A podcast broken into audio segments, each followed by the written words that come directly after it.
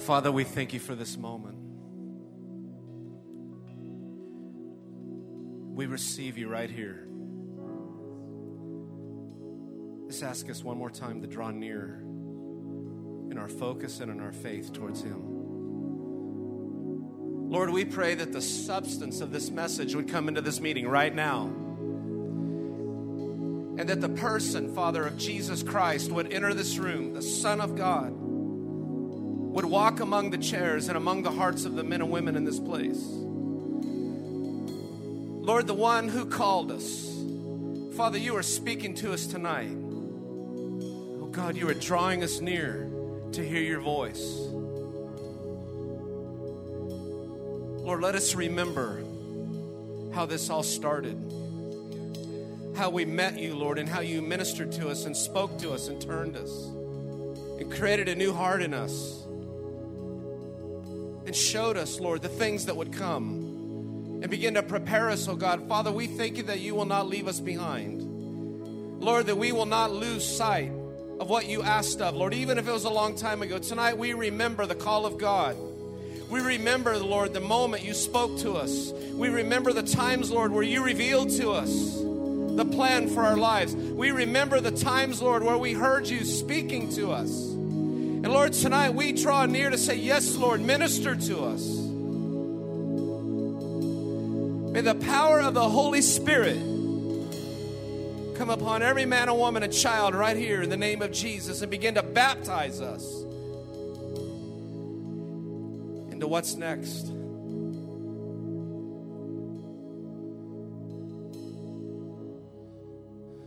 We receive you, Lord. Say it. We receive you, Lord.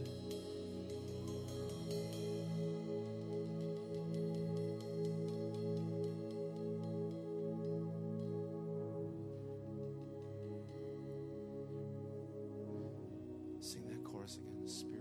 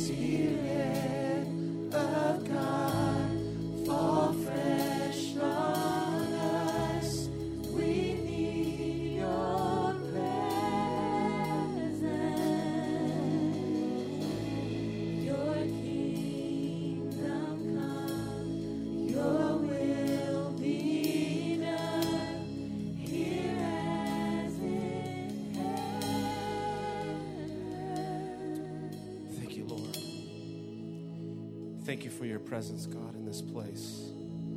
We worship you, Lord. We love you with everything that is in us. In the name of Jesus. Everyone said, Amen. Be seated in the presence of God.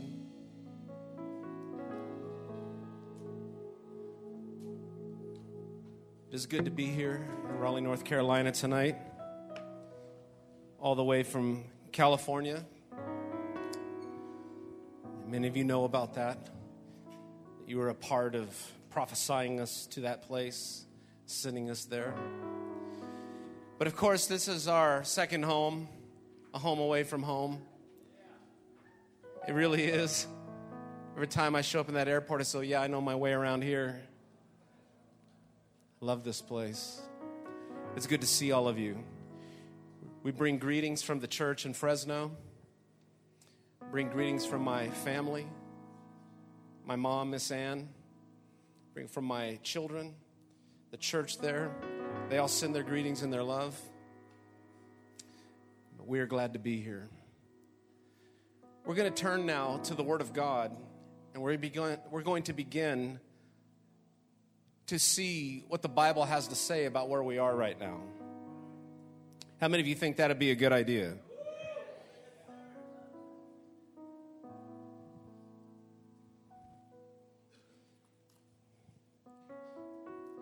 Two thirds of the New Testament was written by a man whom we refer to as Paul the Apostle. Paul, he says, was set apart at his mother's womb to be called an apostle. That God had already decided his calling and his future and his mandate before he ever had a choice to make a decision about it. Many of you are the same way. Before you were ever born, God knew you and, and had made plans for you and had set you apart. Before you had a chance to say yes or no, God had already determined a design. And that design came to pass in Paul's life when he met Jesus on the road to Damascus. He was forever changed. It was a divine revelation that entered his soul, it came upon his life, and made him a new person. He would never be the same after that. And he would live in a divine calling until the day of his death. And what happened in this man's life is that it, everywhere he worked and everywhere he ministered, there began to be great opposition towards what he was doing. There was great opposition against his own life, against his message, and against his work. And it often wasn't from just heathen, godless people, though sometimes it was. Mostly it was by religious people. And if you do any scholarly study, you'll find that in many of the books that we call the Pauline epistles, he's writing letters to deal with heresy, false teaching, and things that would discredit what God had done.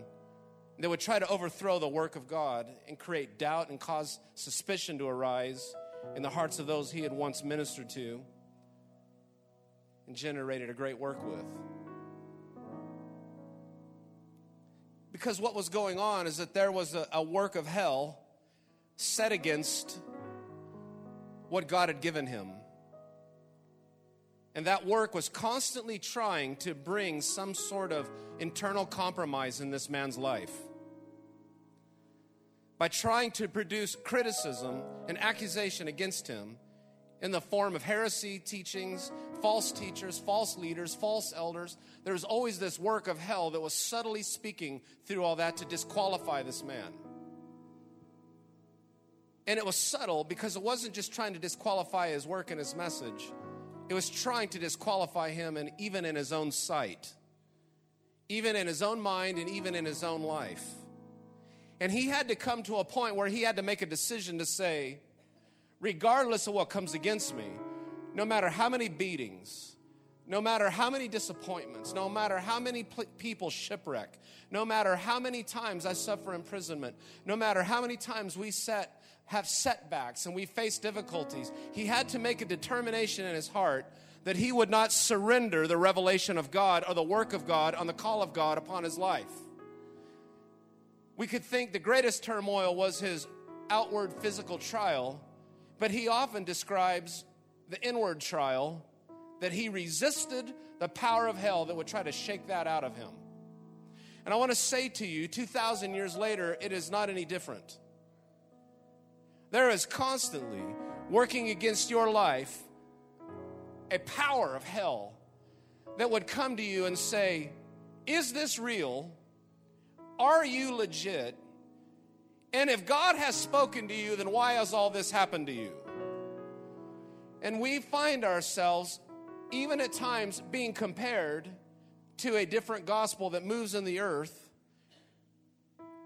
and it makes us wonder should we be building the church the way we are? Should we be living the way we are? Should we be trying to do what we're doing here? Why not be like so many other places? And while I don't want to speak of any other ministry, the thing is, there always is this opportunity to compare ourselves against something else and run the risk of listening to the voice of internal disqualification.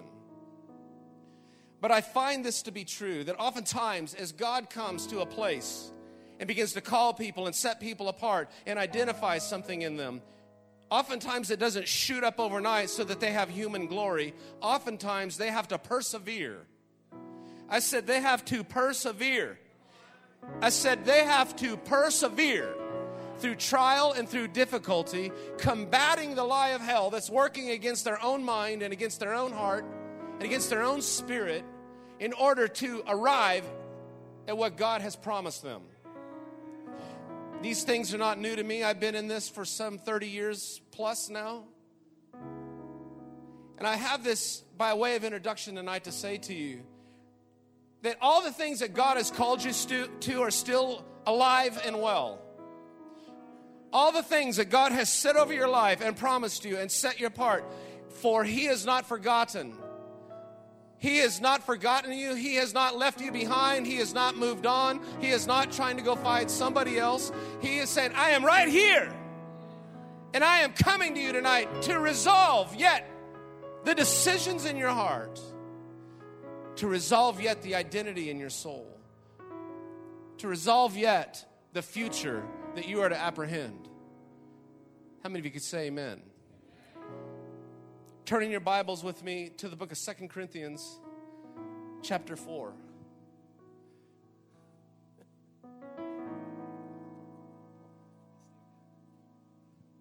I like that sound of the piano. That's pretty awesome. Let's keep that for a moment.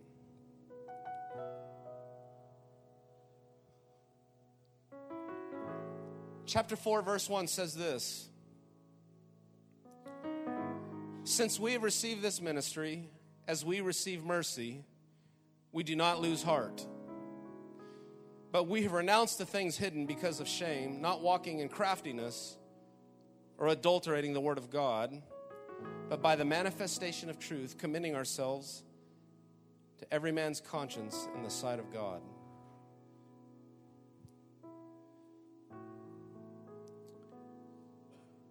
From chapter 2, verse 14 through chapter 7, verse 4, this is a defense. This whole passage is a defense of the accusations that have come against the apostle from false teachers that have come to Corinth. And right in the middle of all that defense, he drops these statements in there. And he says, Therefore, since we have received this ministry, what ministry is that? It's the ministry of glory that came in the New Testament as opposed to the ministry of condemnation of the Old Testament. But I want to say something to you. You have received a ministry. Turn to your neighbor and say, You have received a ministry. If you have been called into the glorious kingdom of the Lord Jesus Christ and you are born again and you are a member in the house of God, you have received a ministry. The Bible says God has set each member in the church according to Christ's gift as he sees fit. God has set you in the house of God and has called you. And I'm talking to every one of you. Somebody in this place tonight has received from God a place of service. The word ministry, do not think of a guy in a suit with a Rolex with slick back hair from some famous city in the United States. Think of somebody who is a servant of God. Think of somebody who does serving unto Jesus in the house of God, in the purposes of God, in the mission field, in the gospel field. You have received a ministry. Turn your neighbor one, time, one more time and say, You have received a ministry. I wish I could shout this from the rooftop. You have received a ministry. You have been given a place at the table by the Lord Jesus Christ. God has set you apart, and the hand of God has come upon you. I feel like I'm prophesying. I want to wake up the call of God in the house of God tonight. I want to wake up the gift of God in the house of God tonight. Say, I am in the call of God. Oh, my friends, we're getting ready to see things we've not, not even considered yet. We're getting ready to step into things we've not even known yet. We're getting ready to see God do things we have not even dreamt of yet. God is on the move.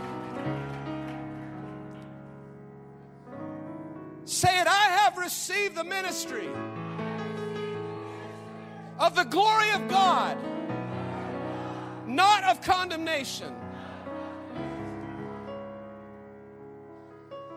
He says, We have received this ministry, this ministry of the glory of God in the true word of God. Then he says the most amazing thing here. He says, Because that has happened, we do not lose heart. Mm-mm-mm.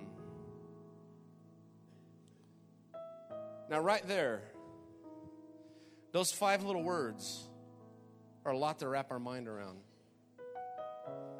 Have you ever been tempted to lose heart? let's be, let's be honest here. Have you ever been tempted to say, Oh, I'm here, I'm in the atmosphere, I believe, but the passion for it all I once had is not quite like it was in the beginning? The zeal I had for it then is not exactly the same now because I have quote unquote wisdom. I've seen, I've had some scars and some scrapes and some experiences. So, you know, in my wisdom, I'm not as intense as I was. Could you imagine Paul the Apostle backing off on his intensity? That the earlier letters are greater than the former letters. No, it's not that way. From beginning to end, we see the same man, the same passion, the same intensity, the same zeal, the same call, the same fire, the same power. If anything, he grew in his revelation and grew in his passion. Going from the least of the apostles to the least of all human beings at the end of his life. He grew in his humility. It is possible to be in the house of God and not lose faith, but lose heart. I remember one time when I was a young man, a, a, a preacher friend of mine, his name was Bob, and he went around the world raising up sons and daughters. And I heard that he had fallen sick in Los Angeles.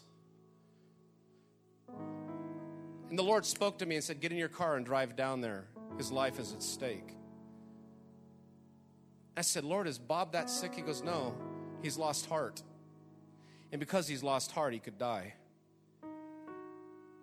And I drove all the way to Los Angeles and I walked in his room and he was laid out on the bed. And I began to read Isaiah 49.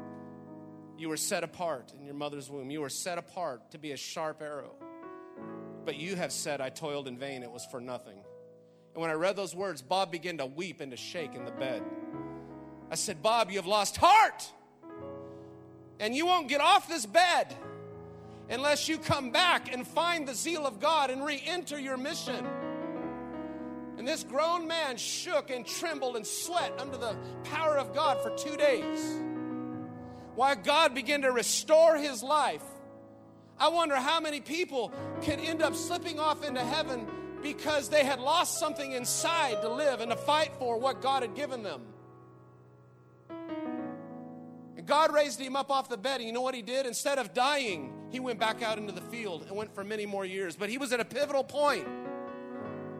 There's been so many times in my life where I was tempted to lose heart. Come on now. To say, Lord, you promised something to me. You said something to me. You told me that it would be this way. You said that if I would obey you, these things would happen. And I have done that. And yet, why is it this way? Why is it like this when you promised me thus? Did I understand that it would cost me all of this? I didn't realize it would mean this. I didn't know it would take so long for it to come. Let me say that again. I didn't realize it would take so long to come. How many of you feel like when God shows up and says something to you, you oh, yeah, that's going to happen soon, right? And then in soon in God's timetable could be many years. And the whole time, the Lord is saying, You have received this ministry. Do not give up on believing on me. And you're saying, Lord, I'm running out of resource. I'm running out of time. I'm running out of youth. I'm running out of health. I'm running out of ability. I'm running out of friends. I'm running out, Lord. And the Lord says, You have received this ministry. Do not lose heart. Do not lose heart. Do not lose heart. You okay? The temptation to begin to back up and say, I'm still here. I'm still here. But I'm just not the same. Yeah, I don't want to be the same. I want to be more passionate than I was the last time you saw me. I want to be more convinced of the call of God in this ministry and the things of God than I was the last time you saw me. And if I'm not, oh God, help me not lose heart. I walk around the state of California collecting people who have done other than nothing other than lost heart. I run into people all the time that gave up on the church. I haven't given up on God. I still love God. I still love Jesus. I watch the TV preacher on Sunday morning. I still listen to Christian songs, but I just can't go give my life into that again. I still believe, but I've lost heart. May I never do that.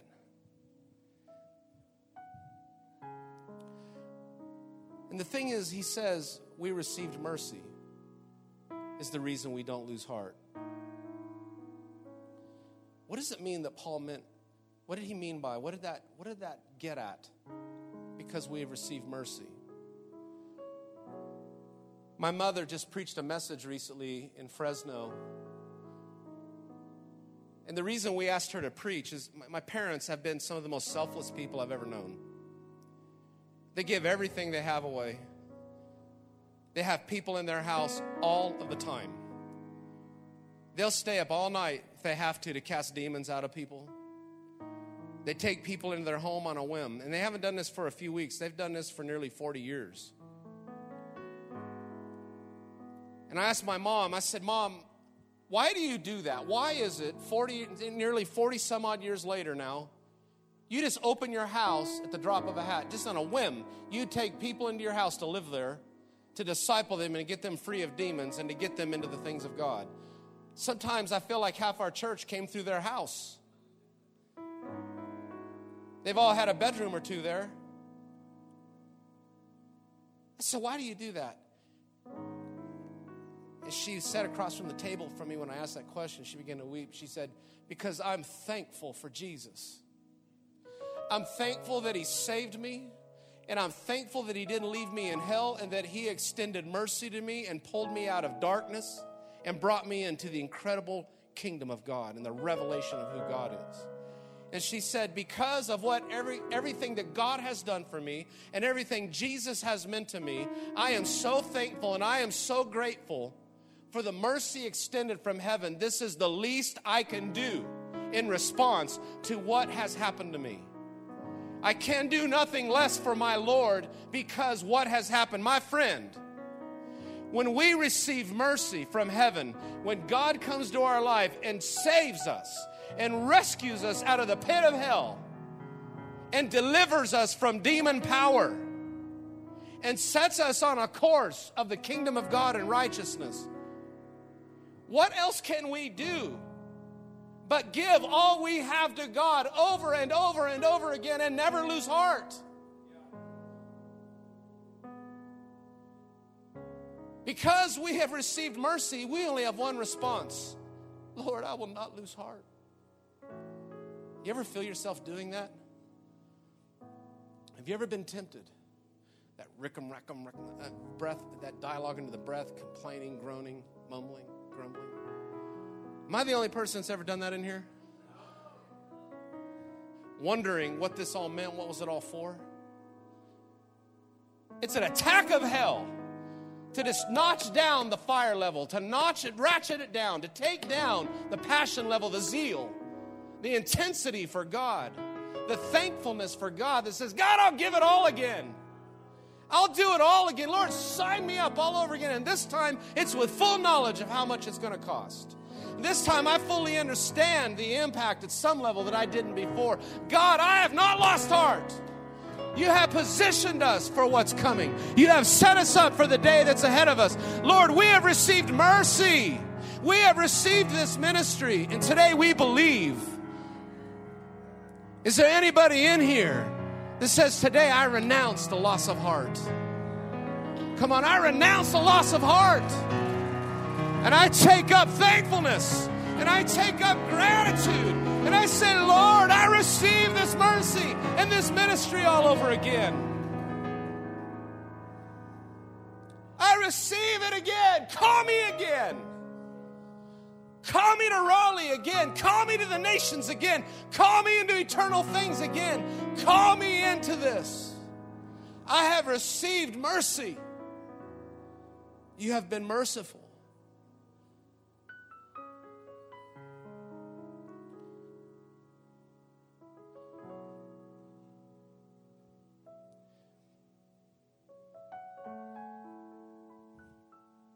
There's this thing that happens to me about every two or three months. I told Paul about it the other day on the phone. This may happen to some of you. It comes to me so that I won't lose heart. I have this thing that happens to me in the middle of the night. I can't tell you when it's coming. All I know is when it comes, it shakes me to my core. Where I get caught in the middle of eternity in the earth realm. That may sound really strange, and if it does, just forgive me. If you know what I mean, then you know what I mean. But it's almost like I have one foot in eternity and one foot in the earth. And I'm caught in the middle of these two places, half and half like. And the complete awareness of eternity enters my heart. And the understanding that my days are numbered. And I don't have that many in comparison to eternity. And then this terrible reality hits me of what am I doing with my life? What am I doing with my time? And what am I doing with my decisions? And what is the condition of my faith? Do I understand that soon I'm going to give an account for this life and what God called me into? And that I should not become distracted with things that are of no purpose? And I wake up out of that in the middle of the night shaking, going, Oh my God, God, get me ready. Lord, tonight I turn to you again. Lord, I don't want to lose heart. Can you understand what I'm talking about even a little bit? Where God shows up and says, Let me remind you of who I am and how small this all is, and the things that you think so much about and you give so much energy to and place so much importance on in terms of eternity mean nothing. Come back to this ministry I gave you and let your heart become centered completely and totally on me again and what I'm doing because the days are short and the time is evil, and you must center yourself in the middle of my will.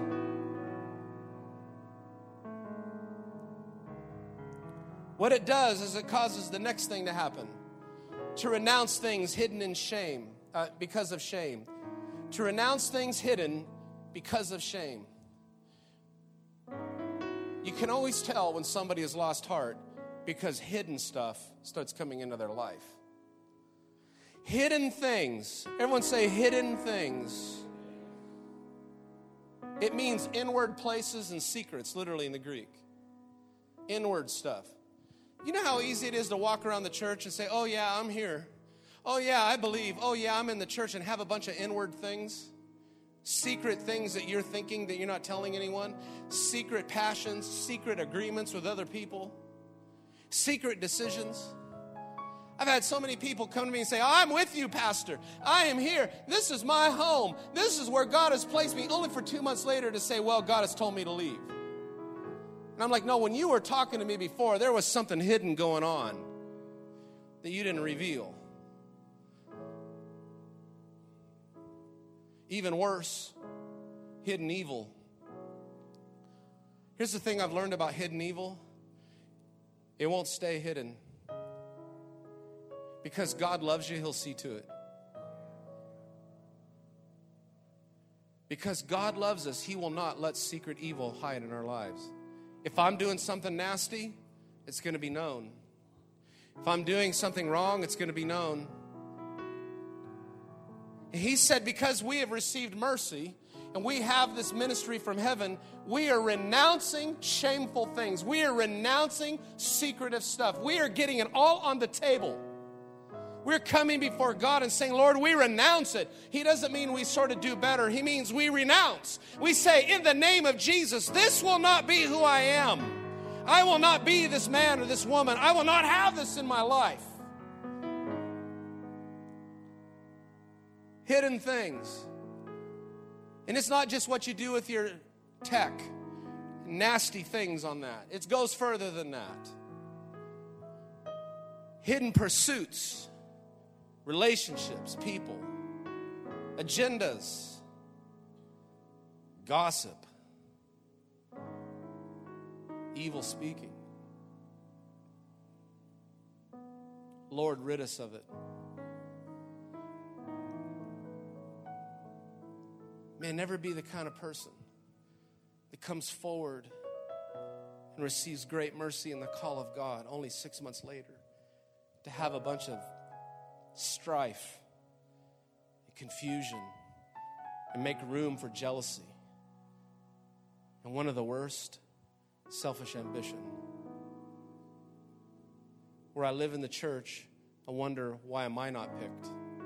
Why am I not this? Or why am I not that? And I begin to talk to people about it. I begin to have problems. Because I have learned some of this in my own life, whenever I see people falling into sin, rather than just condemning them for that, I say, Where did you lose heart? What happened? Where did you lose your passion? Where did you let go of the heavenly vision and stop becoming obedient to it? Where did you forget that God had called you to this ministry of whatever it is you are? Whether you're a teacher or a singer or a preacher or a child care worker, someone who is great at decorating or providing the building or whatever, transcribing, book work, what, all of us have been given so many abilities of ministration and stewardship and talents and gifting that beautify the house of God. Hidden things creep in when heart loses out. Many of you know this is true. We don't want to walk in craftiness, witchcraft, changing and making impure the Word of God.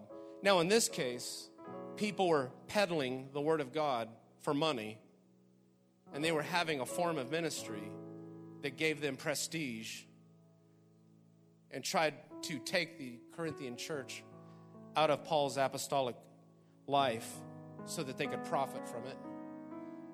And he says, We're not the kind of people who are doing stuff like that, who are walking in a measure of being crafty and playing games with the things of God. Can I say something to us, and myself included? Right now, in this day, in this season we're living in, there is so much confusion going on, even in Christian churches, about who God is and what the Word of God is. We have a woman in our church that served in another church for seven years and was a major part of the church and didn't even know she was, wasn't saved.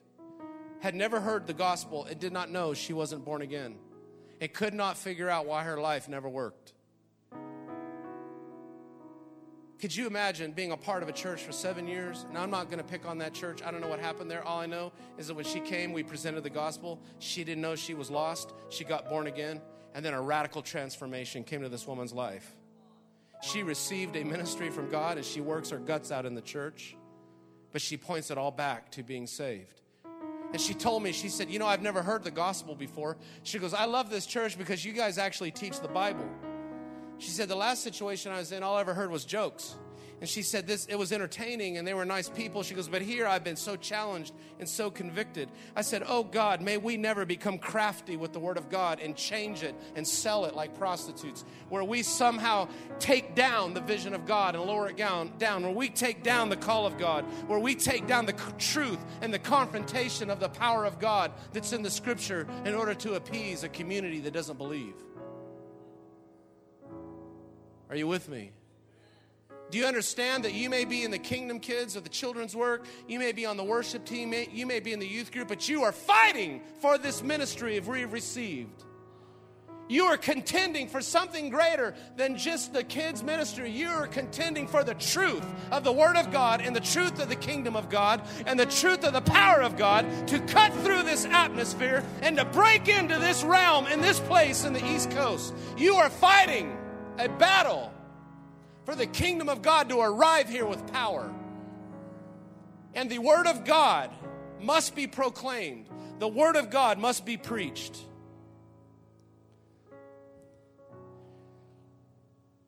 Not walking in craftiness, but by the manifestation of truth, commending ourselves to every man's conscience. The manifestation of truth. May we become a living manifestation of truth.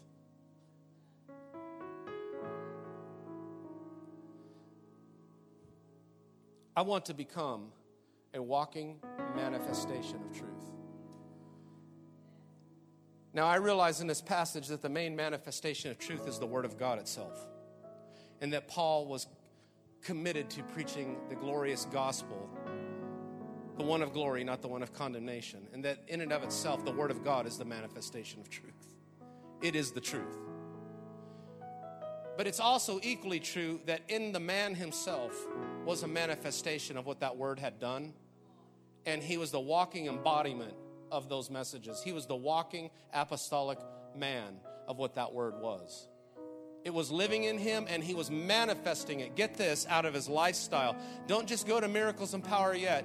He was manifesting that God's word is true by his unswerving commitment to what God had called him to, and that the word of God was yes, and it was the truth, and he had an undying commitment towards what God had said in his word that captivated him into living this apostolic journey.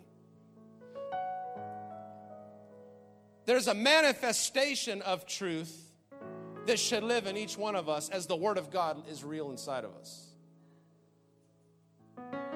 I don't want to just show up with a nice building and lights and sound systems to wherever I go. I want to show up with a manifestation of God.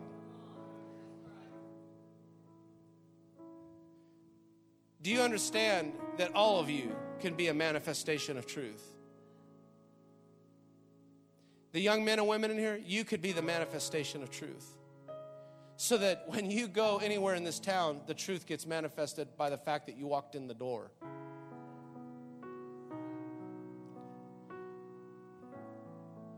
The fact that you're there, truth is confronting lies just because you exist in the atmosphere.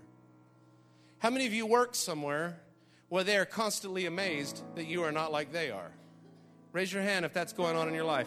Raise your hand if people ask you questions. Why, why don't you swear? And why don't you listen to filthy music? And why do you not go out and party after work? And why do you not have illicit relationships? What's wrong with you? Raise your hand if you get confronted why you are not like that in the school or in the workplace.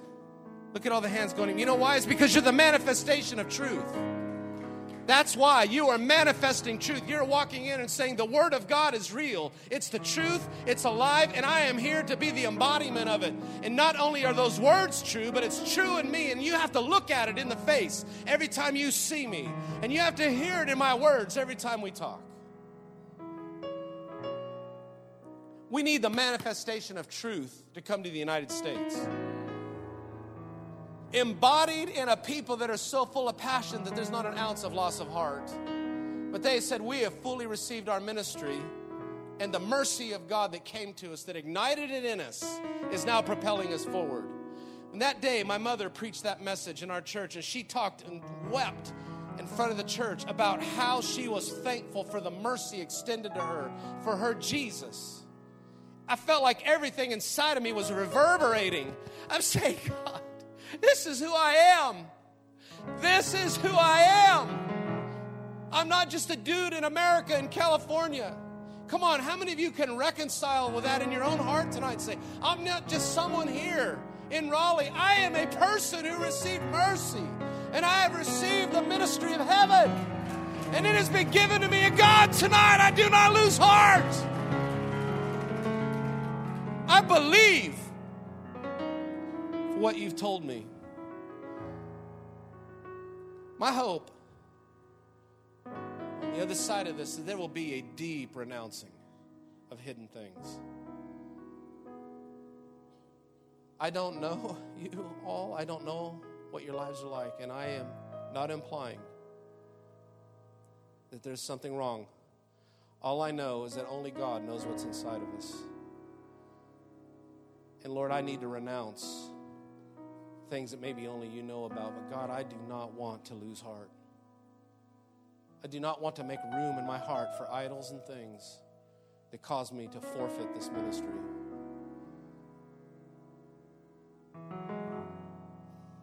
Commending ourselves to every man's conscience in the sight of God. May there be a holy people that live in this land that smites the conscience of everyone that meets them.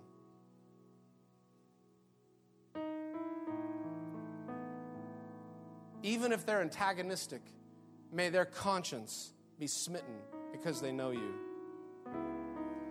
Because purity looks at them in the face. Because love comes to them when they have their guard up to fight and to be evil. And mercy is extended instead of judgment. And compassion is working instead of selfishness. And that the truth of the Word of God is not just something held on Sunday religion, but is an everyday lifestyle. Born in my life because I love God.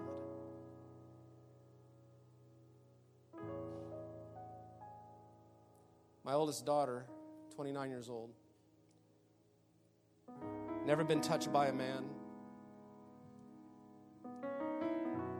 doesn't go out and play games, she's not on dating sites, she doesn't talk filthy. I, I could imagine it in some of their teenage years. Someone hasn't lived very long on the earth. But she's going to be 30 years old next year. and the challenges and the questions she gets asked. How in the world are you this old and been here this long and you still live like this? I bet there's people in here tonight that are exactly the same way. It's because you have a lost heart. May you be commended in the sight of God. Oh my God. There's somebody in here. I want to say to you, may you be commended. Even if you were a mess before and you have come to God, may you be commended in the sight of God for the stand you're taking for holiness and for the righteousness that's living on the inside of you that says, I will not compromise. you have received this ministry of glory. You have received. I know, I know we're going to minister here in a moment, but every young person or older person, just for a moment, we're going to take a drink from heaven right now. Any person that says, I'm standing, God, I want my life to smite the conscience of the wicked because of what you've done to me so that they could turn to you and know the true living God. And you're carrying the weight of that upon your soul right now to say, I renounce it. Dark things, I renounce it. I live pure. I want to serve God tonight, Lord. I'm holding on. I feel like there's a couple people that need to stand to your feet and lift your hands. Anyone that says, I need that moment, God, come and fall on me and help me. I'm standing. Any person that needs this. Let me make this clear. You've been standing, you've been contending. And it's like, Lord, I'm commended in your sight. Is anybody? I'd like the train to stop for a moment. Just lift your hands. In fact, if, if that's you, stand your feet and lift your hands. Lord, I'm taking a drink of heaven right now.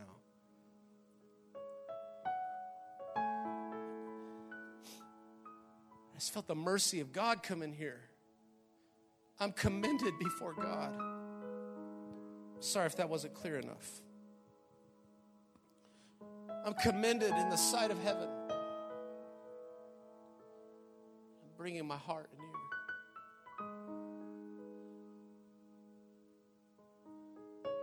Standing for your purity, standing for this ministry.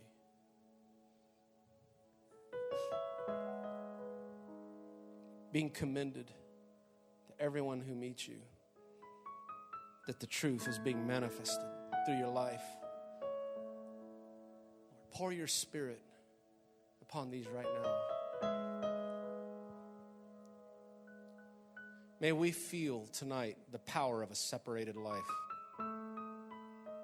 May we know the power of a sincere heart given to God.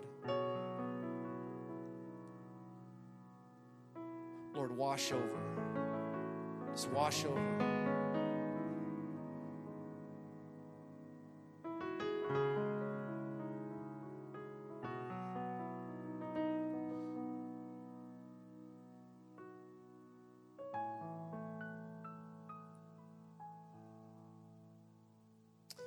Goes on to say, even if our gospel is veiled, It's veiled only to those who are perishing. That's a terrible thought. Sometimes you may feel like your message is veiled. In this case, it was the law of Moses that veiled them to the eventual fulfillment of all that the law was, which is Christ Himself. They couldn't see the goal of the law, they couldn't see all that it promised. And the very thing that pointed to Him became a veil to hide Him to these people that couldn't see Christ. And it's so terrible how the very thing, sometimes in churches and religion, that should reveal Christ is the thing that covers Him. Isn't that true? I feel like part of my call as a prophetic minister is to go around and remove the veil off of people. In different nations and cities, there are these moments where the manifestation of truth appears and the veil comes down. And things that have been hiding God from people or hiding truth from them come off of them. May we become people that do that. Would it be awesome if we began to be such a manifestation of truth that it caused the veil that covers God to people to come down?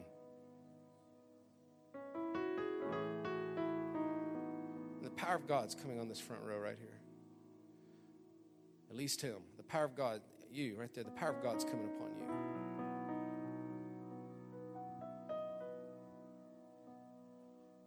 May we become men and women when we get up in the morning and have such a manifestation of God's word, God's power, and God's glory that veil after veil comes down. When I was younger, I would just meet people in random ways,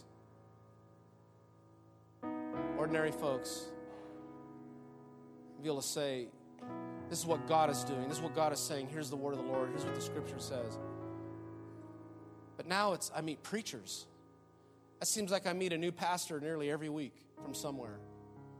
You know what they're all struggling with, oftentimes at least? Veils. And they're trying to work through their thing and their battle and their history, and they're trying to hold on to heart. And I say, Oh God, let there be a manifestation of truth that takes down what's blinding them.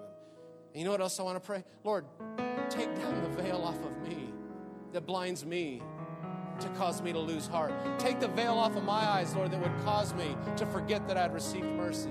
Take the veil off of me, Lord, that would cause me to not be a manifestation of truth.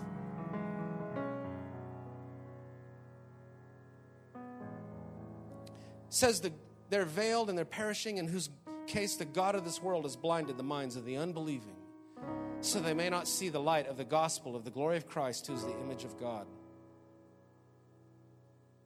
Can I just say something to us? The kind of people it's going to take to break people free that are under the mind of unbelief and under the mindset in the, in the heart place of unbelief, and the God of this world has got them in their grip. There is something I've understood. I cannot, through sound and lights and through protocols and buildings and entertainment and all these things, get anybody out of that denial. I cannot get them out of that place. I cannot break them free from the God of this world. We have this thing going on, and it happens here, it happens where we live, where during the worship service, demons just begin to cry out in people. People will come to the church, and before you know it, they just start screaming and hollering and contorting. And we look at them and go, Well, somebody better go help them because that isn't any fun. You know what that is? That's the God of this world getting his mask pulled off of people. That's that that is the manifestation of truth confronting the evil that has people so locked up. We've come to the place where it's like in order to be in the church, you might as well just come to the altar and get it dealt with. Imagine that. Imagine having a, a program where you join the church through coming through an altar and getting delivered a demonic power and getting knocked out by the power of God. Now you get to join. This happens nearly every week. some kind of manifestation of the power of God, following the truth. You know what? I, I just prophesy to this place, to this region. May people stream in from all over these lands into this houses and the houses to come. And may they be stripped of the veil of the God of this world and the unbelief that is blinding their minds. And may they regain heart. And may they re enter this ministry. And may they come back to the manifestation of truth. The kind of power it is going to take to break through the lie of the God of this world and to cut through dead religion and the new uh, pragmatism and all the things that are going on in the fad driven Christianity. We have got to come back to the person of Jesus Christ and the Word of God again. How many could say amen?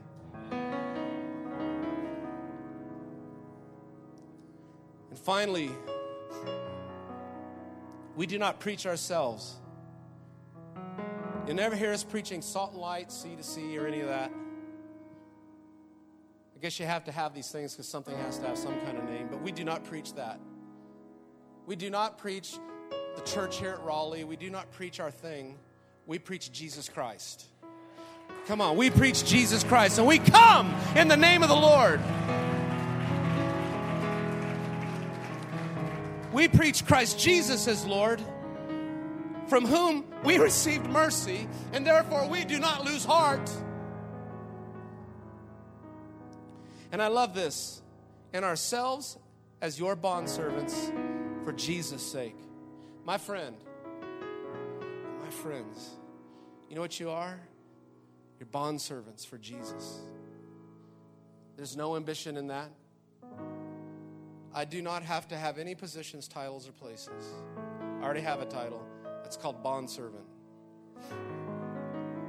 I do not have some motive or some need to be recognized by everybody. I need to be recognized by Him as one who received mercy and was commended before God and man by the truth being manifested in my heart and in my life. Hallelujah. How many of you say tonight, I want to be the bondservant of the Lord? I want to be the bond servant of the Lord. I want to be Lord. Listen, great things are ahead of you. Great things are coming for you. It seems like we come here all the time and say that because it's the truth. But I want to say this to you. Our focus isn't on those great things. Our focus is on Jesus. Our focus is on the one who gave us mercy. The root of it all is Christ. The root of it all is the Son of God. It's Him that we preach. May in this room and in this building, may there be people hear this message that become so full of the power of God that they cannot help it, but they have to go out and manifest the truth of who Jesus is all over the streets and all over the places around this community so that this community has no other response but to surrender its blindness and to surrender the God of this world and to renounce things that are hidden in darkness to renounce things hidden in darkness. Not just out of your life, but out of the house, out of the region. God, get it out. Say it with me God, get it out. A holy fire raises up in our spirit that hates evil, hates evil, hates hidden sin and darkness, that puts corruption in the church and robs us from the manifestation of truth. Hallelujah. Is there anybody in here that just eats that for breakfast? Says, yes! Come on. Yes. Glory to God. Well, I just want to read one more verse and we'll close here. This is one of my favorite scriptures in all the Word of God. Harold Forbes wrote a beautiful song out of this passage. Many years ago, when we were working together in Kirksville, Missouri, this passage just became so alive to us. We meditated on it for days and days and weeks. For God, who said, Oh my God, light shall shine out of darkness, the moment you heard God's voice and you surrendered to Jesus Christ, light shone out of darkness to you. In Genesis 1, God, light shone out of darkness. In the Gospel of John, light shone out of darkness. Come on. When Jesus Christ came on the scene, when the world was created, when Jesus walked on the earth, He's still shining out of darkness. The one who is shown in our hearts to give the light of the knowledge of the glory of God in the face of Christ. Oh my God, may I want to be in this place where I look in the face of Jesus Christ and coming out of his face into my heart is the knowledge of the glory of God. My heart, his face. His face, my heart. My heart, his face. His face, my heart. My heart, his face. His face, my heart. My heart, your face. Your face, my heart. The locking of them together. I renounce things hidden in darkness. I renounce things hidden in darkness. And I receive this ministry, your face into my heart. I receive this ministry, and I do not lose heart. I do not lose heart.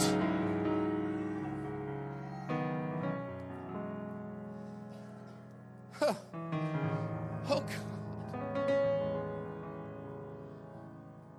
When Paul met Jesus on the road to Damascus, was a light brighter than the noonday sun.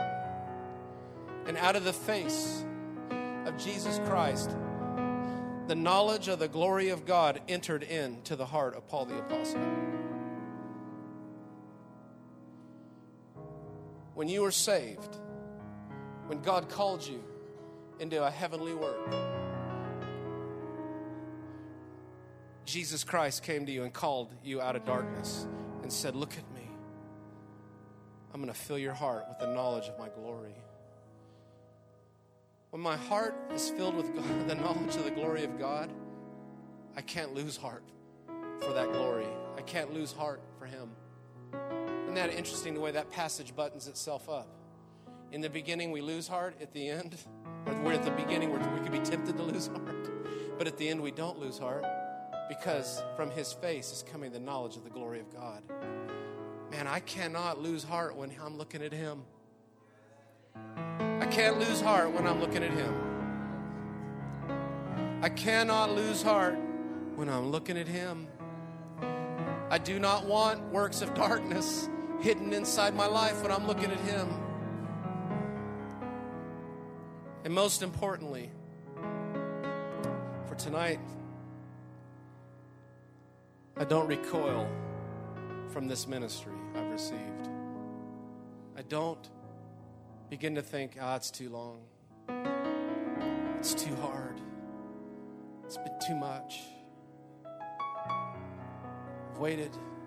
I don't know now. It's cost me so many things. The accusation against Paul's life was such if you're such a great apostle, then why has all this happened? You ever believe that stuff? The devil ever come and tell that stuff to you? If you're so called of God, then why this?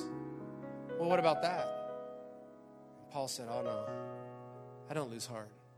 No, no, no, no. I've received mercy. You know what I feel like is here tonight? The receiving of mercy. I may only be preaching to a few of you.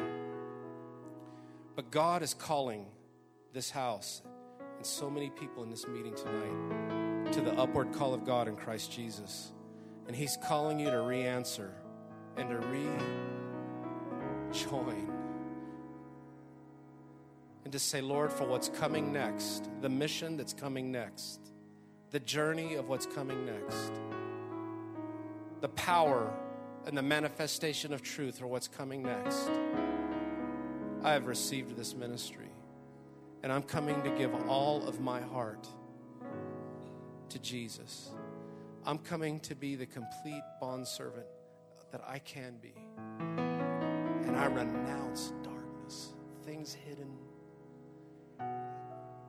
could say it this way it's like heaven is coming down and saying, Raleigh, we're going on.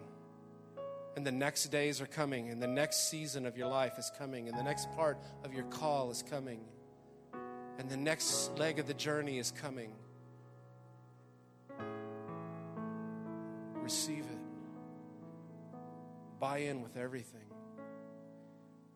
And it's the moment where we say, Lord, any heart that's been lost, I surrender it. Any works of darkness that have crept in, that are hidden, I renounce them.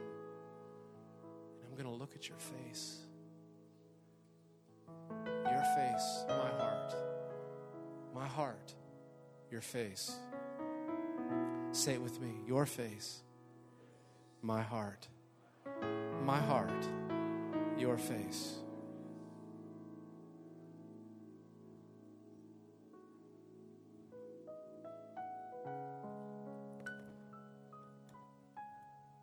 Your face, my heart. My heart, your face.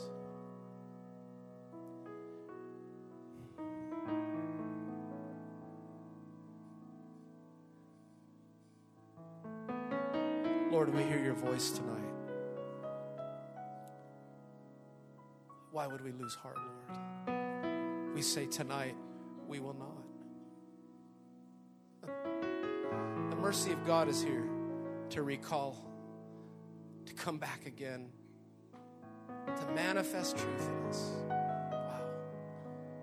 He's good. I'm going to converse with this team over here.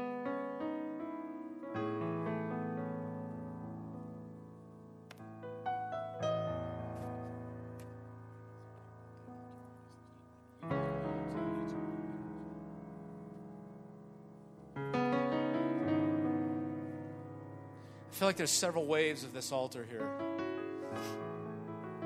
How many of you heard this tonight and somehow burning in your soul says, I just want to get to this altar? Is anybody like that in here? This says, I just want to come to God. Raise your hand if that's in your heart. I just, I just, I want this. Us, okay. This is going to be a very general altar call right here. But in all in honesty, fear of God, the, the embracing of tomorrow is upon us. And anyone here that says, I have received this ministry and I have so struggled, but I can't shake it. God has called me to something and it's burning in my heart, and the temptation to lose heart has been terrible. But everything in me that says, God, I can't lose heart. You may have struggled with that, letting it cool off, but tonight it's reigniting. It's bursting back to flame. If anyone is in here that says, I have been tempted and struggling in my heart to stay in the fire of it, and the passion of it, and the call of it, God's like calling me. His face is calling me. He's pulling on my heart. He's saying, Come.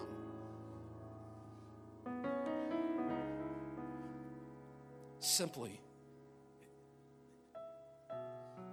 if you have struggled in that place to say, This has been hard, tonight I've got to be rebaptized in this call, I've got to be rebaptized in this ministry. Whatever it is God has given me. I just invite you to come down here and meet us here for the power of God to come upon us. Any person that has struggled with losing heart, being so gentle here because God loves you so much.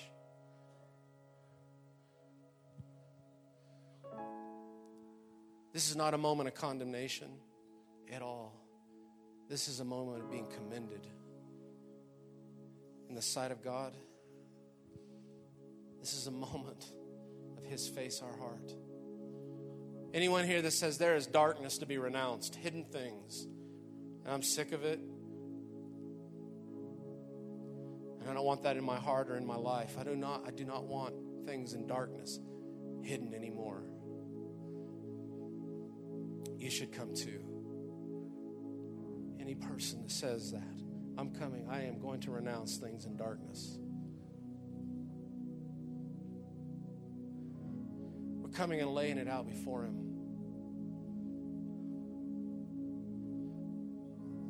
Lord Jesus, you are walking this altar. Holiness of God is here in this moment. Recapture us, Lord. Recapture us, Lord. Fill our hearts with the knowledge of your glory again. We sign up again, Lord. We embrace again.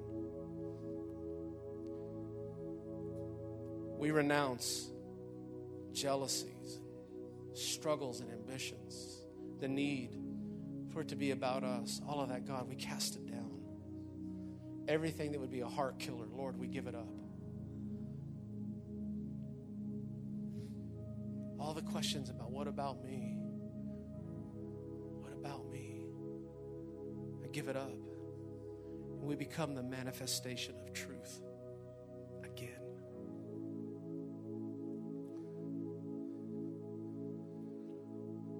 Just for a moment. Oh, God. I feel like there's a few more people here.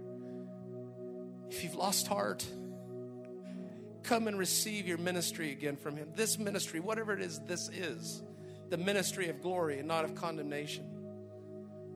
Anyone else? This church is entering a new day and a new season. Hidden things cannot go with us. Places of a pulled back heart will not work. Everything that's not truth, we're getting rid of it, we're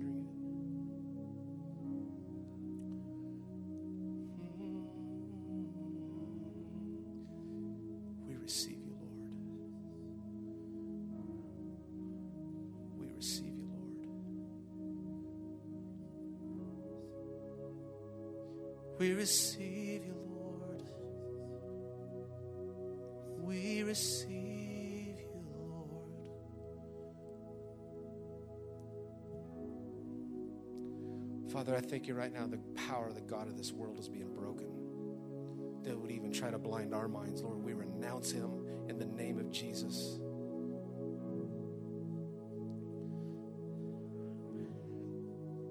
Take authority over every demonic spirit and over every, every over every power of hell working against this church and working against these people right now. We command this thing to let you go and for you to become free of it.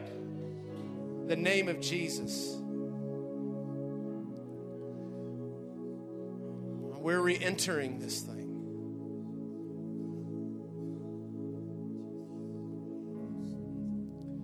Say this together. It says, I receive this ministry.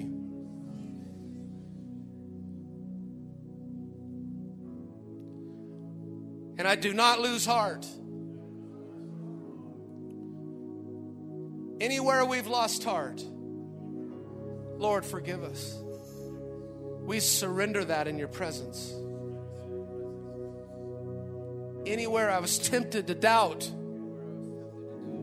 I surrender it in your presence. And I give myself to you again. Inward things of darkness, say it, inward places of darkness, I renounce them in the name of Jesus. And I give them up in the presence of God in the name of Jesus.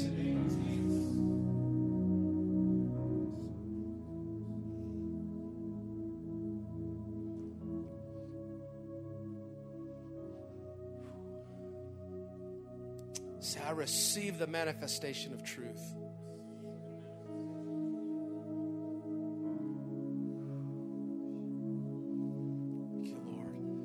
Father, I thank you that your power is moving upon people right here. And we are somehow breaking forth into another day. Lord, we're breaking forth into our tomorrow. We're breaking forth into what's coming. Lord, we're breaking forth in what's next for us, both in this church and in each individual life that's up here. Lord, I thank you that it's coming forth in the name of Jesus. Begin to cry out for what's coming next for you. Just begin to cry out, Lord, it's coming. And we step into it.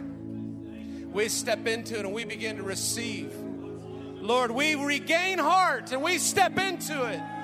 We step into it, oh God, and we begin to cry out for what's coming. We receive this ministry.